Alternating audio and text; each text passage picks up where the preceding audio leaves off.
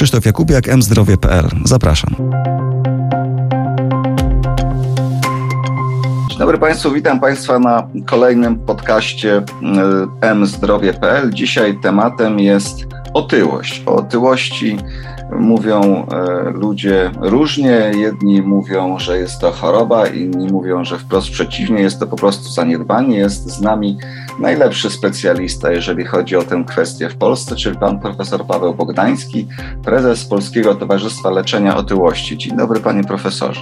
Dzień dobry, panie redaktorze, dzień dobry państwu. Już e, w nazwie państwa towarzystwa sugeruje się, że otyłość można leczyć ale skoro leczyć, to najpierw trzeba ją uznać za chorobę. Czy to rzeczywiście jest taka groźna choroba, jak e, się e, o tym ostatnio mówi? Bo niektórzy mogą mieć wątpliwości. No właśnie, i to chyba z tej nieświadomości zagrożeń wynikającej z nierozpoznanej, nieleczonej choroby otyłościowej wynika tyle nieszczęść, które my dzisiaj w tych czasach obserwujemy. Bo rzeczywiście badania, które przeprowadziliśmy, wskazują, że 85% dorosłych Polaków traktuje otyłość jako problem kosmetyczny, jako efekt zaniedbania, jako nadmierne kilogramy, nieco zwiększony obwód brzucha. Jedynie 15% dorosłych Polaków zdaje sobie sprawę, że to niezwykle groźna, poważna choroba. Pan profesor powiedział, że jest to epidemia XXI tak, wieku. Tak, tak, tak. To epidemia XXI wieku, to prawdziwe tsunami XXI wieku, to historia i obraz bez precedensu w historii świata, Europy i Polski. My nigdy dotychczas na świecie, w Europie i Polsce nie widzieliśmy tak dużej ilości osób chorujących na otyłość. Prawdziwe tsunami, również w Polsce. Jeszcze przed pandemią COVID-19 w Polsce 68% dorosłych mężczyzn, 53% dorosłych kobiet miało nadwagę, a ponad 20% chorowało na otyłość. A prawdziwy dramat rozgrywa się również w grupie wiekowej naszych najmłodszych obywateli kraju, nastolatków, dzieci, tu rzeczywiście dane niezwykle niepokoją. Piąte miejsce na świecie, liderzy w Europie, jeśli chodzi o tempo wzrostu tej poważnej choroby, co od razu pokazuje, że za moment e, te dzieci, nastolatkowie z nadmierną masą ciała wkroczą w dorosłość z ogromnym, zwiększonym ryzykiem rozwoju tej choroby, bo my wiemy, że jeżeli zaniedbamy nastolatka z nadmierną masą ciała, to jego ryzyko rozwoju otyłości w życiu dorosłym wzrasta 18-krotnie. I tak błędne koła powielane spowodują, że staniemy w niezwykle trudnej sytuacji w, w zakresie organizacji systemu opieki zdrowotnej. Bo to, co pan redaktor na początku wspomniał, i to chciałem może jako punkt wyjścia albo mocno podkreślić. Otyłość to przewlekła choroba, która ma swój numer statystyczny E66 choroba bez tendencji do samoistnego ustępowania, choroba z tendencjami do nawrotów, choroba o bardzo złożonej patogenezie, o wieloczynnikowej patogenezie, której do końca jeszcze nie rozumiemy i nie znamy, ale złożonej, gdzie, gdzie wina pacjenta jest naprawdę niewielkim fragmentem rozwoju tej choroby, ale co bardzo ważne, to dzisiaj już to wybrzmiało, to choroba o bardzo poważnych konsekwencjach medycznych, społecznych, ekonomicznych, psychologicznych i od razu z medycznego punktu widzenia muszę Państwu powiedzieć tak. Ja nie znam żadnej innej przewlekłej choroby o tak dużej liczbie potencjalnych chorób, e, o tak dużej liczbie potencjalnych powikłań, chorób i zaburzeń, którą może generować otyłość. Ta lista to ponad 200 chorób i zaburzeń. To, to, no właśnie, naprawdę... to, panie profesorze, porozmawiajmy o tych, y, o tych y, skutkach otyłości, czyli o powikłaniach, a potem zajmiemy się tym, jak ją leczyć. Dobrze. Jakie są naj, naj, najtrud, najgorsze y, powikłania, jeżeli chodzi rozwijane przez osoby otyłe, zwłaszcza przez te młode, młode pokolenie, które, o których Pan wspomniał, że, że tam jest bardzo źle. 200 pewnie, panie redaktorze, nie wymienimy chorób i zaburzenia. Postaram się te najważniejsze, najistotniejsze wskazać, o innych tylko wspomnieć, a resztę oczywiście podręczniku, które wydaliśmy, można doczytać i znaleźć, ale zaczynając tych, od tych pandemii, które Państwo obserwujecie, widzicie chociażby cukrzyca typu drugiego. Ponad 2 miliony osób z cukrzycą typu drugiego w naszym kraju, ta liczba rośnie, wszyscy mówimy o prawdziwej pandemii. Tymczasem ryzyko rozwoju tej poważnej choroby, myślę o cukrzycy typu drugiego, u pacjentki chorującej na otyłość z BMI powyżej 35 wzrasta 90-krotnie. To jest wzrost o 9000%. To jest tak silny związek, że my bardzo często próbujemy to komunikować i mówić, że nie ma takiej choroby jak cukrzyca typu drugiego. to niezależne, klasyczne powikłanie otyłości. Krótko mówiąc, gdybyśmy nauczyli się skutecznie zapobiegać i leczyć tę przewlekłą chorobę, potrafilibyśmy zmniejszyć e, częstość występowania cukrzycy typu drugiego niemal do zera. Nadciśnienie tętnicze. Kolejne rekordy, kolejne liczby pokazywane na kolejnych konferencjach. 9, 10, teraz już prawie 11 milionów Polaków w naszym kraju choruje na nadciśnienie tętnicze, o których skutkach, konsekwencjach wszyscy głośno mówimy, dobrze to rozumiemy.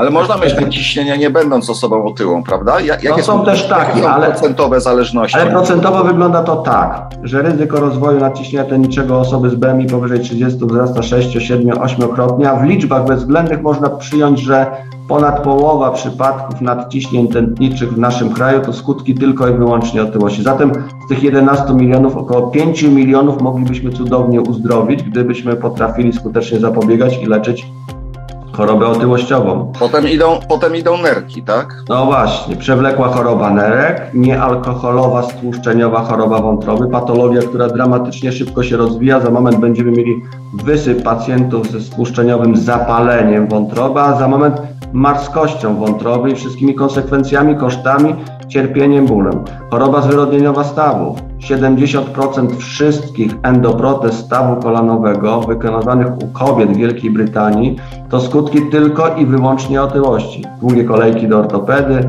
ból, cierpienie, koszty, rehabilitacja, powikłania, zespół bezdechu w czasie snu. Ogromna, ogromny problem, jeśli chodzi o częstość występowania, ściśle związany z chorobą otyłościową. Szacuje się, że 10% wypadków z nieznanej przyczyny na naszych drogach to skutki nierozpoznanego, nieleczonego zespołu bezdechu w czasie snu klasycznego powikłania choroby otyłościowej. Kardiolodzy doskonale zrozumieli, że otyłość jest niezależnym czynnikiem ryzyka rozwoju i postępu miażdżycy i wszystkich klinicznych konsekwencji zawału mięśnia sercowego, udaru mózgu, zgonu sercowo-naczyniowego, zaburzeń e, rytmu serca. To wszystko są konsekwencje nierozpoznanej, nieleczonej otyłości. Zespół policystycznych jajników, niepłodność zarówno po stronie kobiet, jak i mężczyzn generowana przez otyłość, zaburzenia potencji, kamica pęcherzyka żółciowego. Panie profesorze, ja w tym momencie muszę przy, przy, przerwać, bo wieje grozą coraz bardziej. Właśnie, ja nie chcę straszyć. Ja zupełnie straciłem apetyt na drugie śniadanie. Obiecuję, że dzisiaj popracuję nad swoim BMI, ale proszę powiedzieć, no tak, no to już wiemy, że choroba, że bardzo ciężka i że ma o, ogromną skalę powikłań. I teraz pytanie, jak leczyć, a jeszcze, znaczy zapobiegać i leczyć, tak? No najpierw, czy, czy jesteśmy w stanie po prostu zapobiegać, innymi słowy, namówić ludzi, żeby się więcej ruszali, mniej jedli, czy to już nie wystarczy, że trzeba, czy trzeba już po prostu leczyć? To znaczy tak, jeśli mówimy o zapobieganiu, to znaczy ktoś jeszcze nie choruje na otyłość, to znaczy działamy tak, żeby do tej otyłości nie doszło i wszystkie działania populacyjne, zmiana stylu życia, właściwe, rozsądne odżywianie się, zapoznanie się, co to znaczy właściwe, rozsądne odżywianie się, aktywność fizyczna, to wszystko ma znaczenie. Te profilaktyczne działania polegające na tym, żebyśmy żyli aktywnie, żebyśmy zdrowo żyli, żebyśmy odpowiednie produkty wybierali, to ma kapitalne znaczenie, żebyśmy się wysypiali, żebyśmy się mniej stresowali, żebyśmy i tak dalej, i tak dalej można by wymieniać. Tych działań populacyjnych, które poprawiają styl, sposób życia jest, jest, jest bardzo dużo i one są bardzo ważne. Natomiast w momencie, kiedy dochodzi do rozwoju tej choroby, my mamy bardzo jasno określone kryteria rozpoznania tej choroby.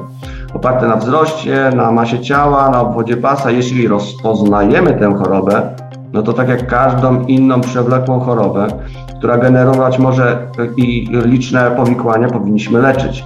No w przypadku jak, jak, jak można leczyć?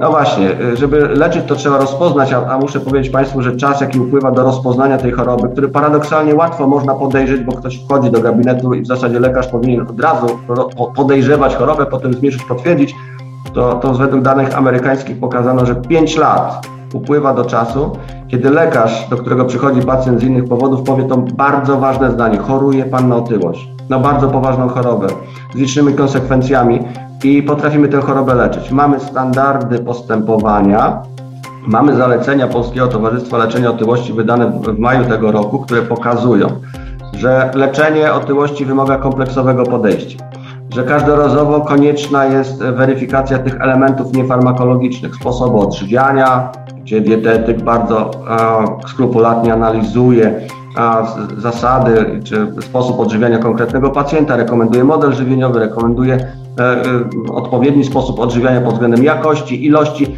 to rzeczywiście mądry, e, doświadczony dietetyk jest ogromnym wsparciem. Rekomendowane jest zwiększenie aktywności fizycznej, znowu indywidualnie dostosowane, dobrane. U części pacjentów rozważane jest wsparcie psychologa. To te elementy niefarmakologiczne. Tak jak w każdej innej przewlekłej chorobie, jak w nadciśnieniu tętniczym, jak w cukrzycy, w każdej innej chorobie, zaczynamy leczyć niefarmakologiczne. Ale jeśli to postępowanie jest nieskuteczne. Jeśli pacjent nadal ma wysoką masę ciała, a co gorsze, ta masa ciała wzrasta, jeśli nie osiągamy efektów, a badania, duże badania e, pokazują, że średnia skuteczność postępowania niefarmakologicznego to 3 do 5% redukcji masy ciała. To u wielu pacjentów zdecydowanie za mało. No to obawiając się powikłań, dalszego rozwoju tej choroby, jesteśmy tak jak w każdej innej przewlekłej chorobie, zobowiązani jako lekarze rozważyć wdrożenie skutecznego, bezpiecznego, rekomendowanego leczenia farmakologicznego. I to jest coś nowego, jeżeli chodzi No właśnie, to jest przełom, można powiedzieć, w leczeniu otyłości, bo mamy leki, które w badaniach klinicznych udowodniły swoją skuteczność, bezpieczeństwo osiąganiu czterech celów terapii. A te cele terapii otyłości to jest tak, redukcja masy ciała, bardzo ważne, zrozumiałe, ale utrzymanie zredukowanej masy ciała w czasie, istotna kwestia. Bardzo istotna jest również kwestia ochrony pacjenta przed ryzykiem rozwoju powikłań. Czy ta farmakoterapia nowoczesna powinna również chronić nas przed rozwojem klasycznych powikłań otyłości i powinna również, czego oczekujemy, w korzystny sposób wpływać na choroby i zaburzenia już występujące u tego pacjenta. I mamy takie leczenie. Mamy leki, które pozwalają w skuteczny sposób poprawić efektywność terapii, osiągnąć te cele terapeutyczne, o których przed chwilą wspomniałem, a u tych, u których kompleksowe postępowanie niefarmakologiczne, farmakoterapia nie przynoszą korzyści, to szukamy dalej.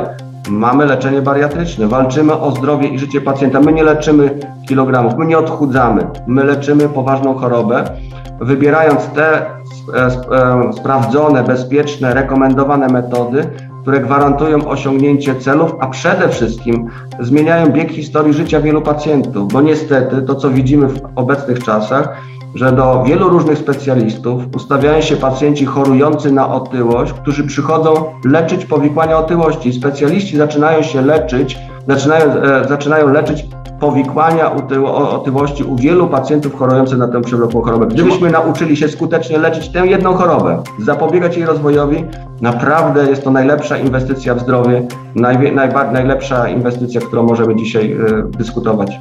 No właśnie, panie profesorze, już nie wchodząc e, w bariatrię, czyli wykonywanie operacji chirurgicznych, to zróbmy krok wstecz i porozmawiajmy o tej farmakoterapii.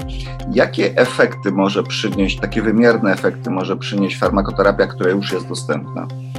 Znaczy, farmakoterapia pozwala osiągnięcie tych celów terapeutycznych, o których wspomniałem, to znaczy pozwala na to, że redukujemy masę ciała, zmniejszamy Mniej więcej w zakresie? Średnie populacyjne wartości wahają się w zależności od wybranej terapii. To, to, są badania, to są badania kliniczne. Średnia redukcja masy ciała dotychczas pozwalała na utratę a, średnio 9% redukcji masy ciała przy tych najlepszych opcjach terapeutycznych. To średnio oczywiście. Ta nowoczesna, która jest za moment będzie dostępna, to jest rząd kilkunastu, 16, 17%, ale w tym zakresie było wielu pacjentów, u których się udało uzyskać redukcję masy ciała rzędu 20-30% wyjściowej masy ciała. My Dzisiaj dzięki nowoczesnej farmakoterapii jesteśmy w stanie osiągnąć efekty, które zaczynają dotykać tych, które uzyskiwaliśmy dotychczas tylko w przypadku leczenia bariatrycznego. To też jest e, ten siła działania leków pozwala na naprawdę coraz lepsze osiągane e, efekty. To jest doskonała chodzi... wiadomość, bo, nie no bo każdy zabieg tak. chirurgiczny wiąże się z jakimiś ryzykami. A Oczywiście, że tak. jednak jest i, prostsza i mniej obciążająca. Oczywiście, że tak, ale to, co jest bardzo ważne, to co ja widzę u pacjentów leczonych skutecznie przy użyciu farmakoterapii, to to, to że dochodzi do remisji chorób i zaburzeń, które już występują pacjent ze stanem przedcukrzycowym, pacjent z cukrzycą, pacjent z nadciśnieniem, pacjent z zaburzeniami lipidowymi, oni nagle zaczynają odstawiać leki na te choroby. Oni, u niektórych dochodzi do remisji tych chorób, do całkowitego ustąpienia. Także my też jesteśmy w stanie zmieniać zupełnie e, sytuację zdrowotną pacjenta. No, dodaje mu to siły, energii, chęci do życia. Nie mówimy o jakości życia. To są, to są kapitalne efekty, które uzyskujemy dzięki temu, że możemy wykorzystać nowoczesną farmakoterapię. Ta nowoczesna farmakoterapia poszła dalej. Ona ma dowody na skuteczność w zakresie ochrony układu sercowo-naczyniowego. My stosując to leczenie jesteśmy w stanie zapobiec wystąpieniu udarów, zawałów mięśnia sercowego, ponieważ efekty działania tej nowoczesnej, e, dostępnej farmakoterapii pozwalają na kompleksowe e, monitorowanie i wpływ na, na te parametry, które powodują przyspieszone starzenie się układu sercowego. Możemy, czy możemy chronić serce, możemy tak. chronić nerwy. Mamy na to dowody, że możemy chronić serce. Tak, to jest też przełom w terapii, że my tak naprawdę wychodzimy daleko poza ten element, na którym się wszyscy skupiają, na tych kilogramach. My jesteśmy w stanie zrobić znacznie więcej.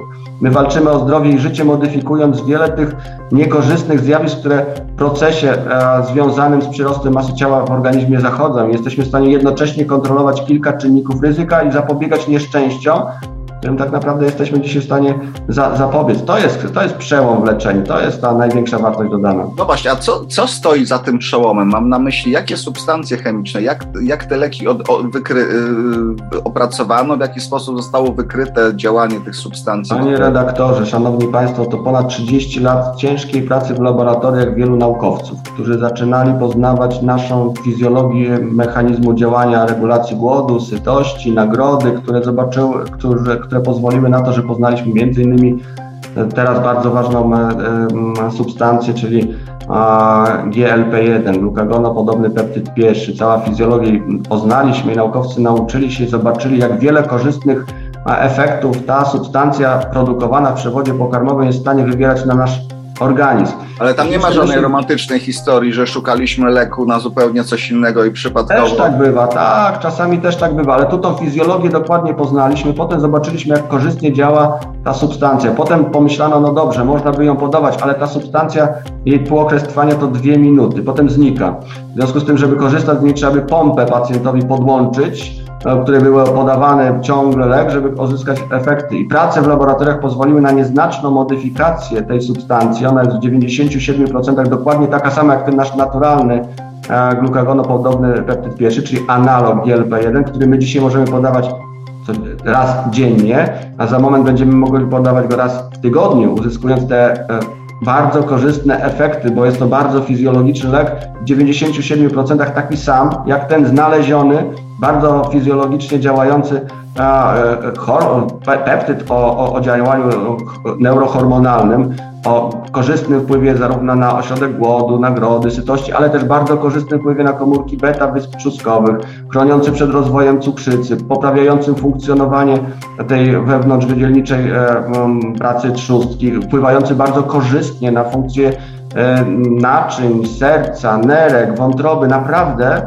to jest ogromny przełom. Podpatrywaliśmy fizjologię, uczyliśmy się jej i szukaliśmy rozwiązań, które pozwoli na wsparcie, na poprawę tej um, często zaburzonej poprzez czas, wiek, rozwój choroby otyłościowej i wielu innych czynników sprawnie funkcjonującego mechanizmu fizjologicznego. Także wpisujemy się w ten zaburzony, e, bardzo precyzyjnie działający u osób zdrowych e, mechanizm regulacji głodu, sytości. To, to, to, to rzeczywiście fascynujące opowieści na długie wieczory.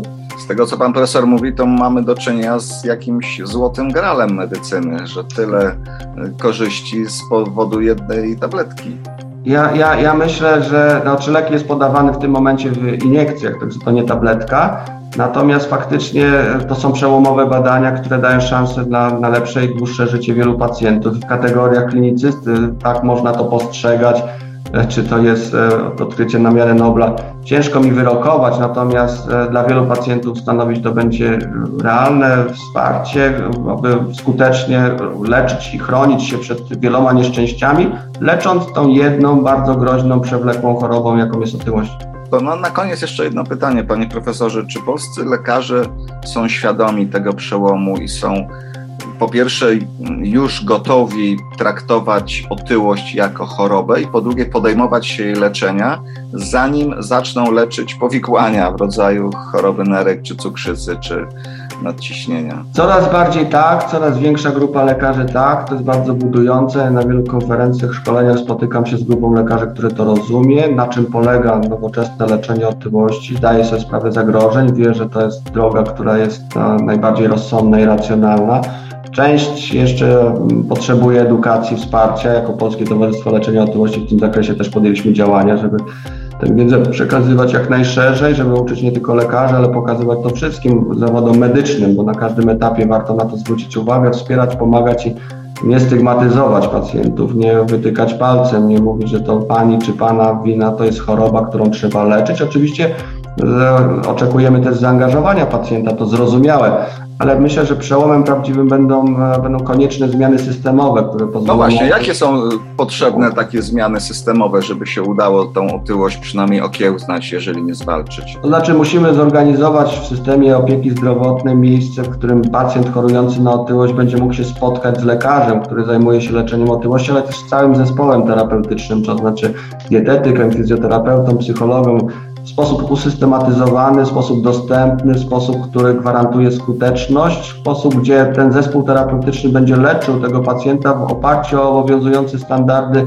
e, terapeutyczne. My na razie nie mamy takich miejsc. Jak na pytanie, kto się zajmuje leczeniem otyłości, to muszę powiedzieć, że że ciężko wskazać jedną grupę e, e, zawodową. No przede wszystkim lekarze rodzinni powinni się tym A oni powinni przede wszystkim inicjować, oni powinni rozpoznać, to bezwzględnie, rozpoznać i powiedzieć i podjąć te działania, które są możliwe na tym etapie, w którym teraz się znajdujemy i też prosić i wołać o to, że potrzebujemy wsparcia w celu zbudowania e, lepszego systemu, bardziej wydajnego i dołączenia do, do, do, lekarza tych członków zespołu terapeutycznego, co poprawia tą skuteczność terapii. Tak, ja zgadzam się w pełni, ale wszyscy lekarze powinni być świadomi, wszyscy powinni rozpoznać i wszyscy powinni rozpocząć to leczenie albo wysłać do miejsca, w którym mają poczucie i wiedzę, że są takie osoby. No właśnie, a czy w naszym systemie, no już Pan powiedział, że nie ma miejsc, no ale czy są te rozwiązania w rodzaju dostępność e, tej farmakoterapii? E, jest od niedawna program opieki koordynowanej nad pacjentem bariatrycznym, tak, ale farmakologia chyba jeszcze nie jest refundowana. Jeszcze nie, myślę, że to jest kwestia niedalekiej przyszłości.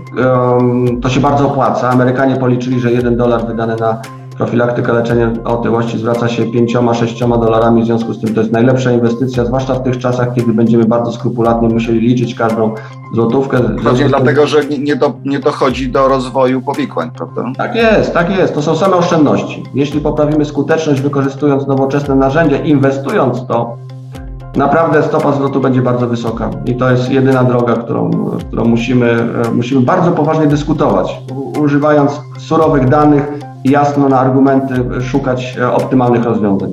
Widzę, że pan jest optymistą pod tym względem. Panie no, inaczej, inaczej by nie było mnie tu, panie redaktorze. no to trzeba być optymistą, trzeba e, namawiać Polaków do wzrostu świadomości, trzeba namawiać lekarzy, żeby też mieli świadomość, e, że tę chorobę można wyleczyć. Miejmy nadzieję, że również zmiany systemowe w tym kierunku będą wprowadzane. Bardzo serdecznie dziękuję za rozmowę. Gościem dzisiejszej audycji był Paweł Bogdański, prezes Polskiego Towarzystwa Leczenia Otyłości. Serdecznie dziękuję panie redaktorze, serdecznie dziękuję państwu, pozdrawiam. Dziękuję bardzo i do usłyszenia. Dziękuję.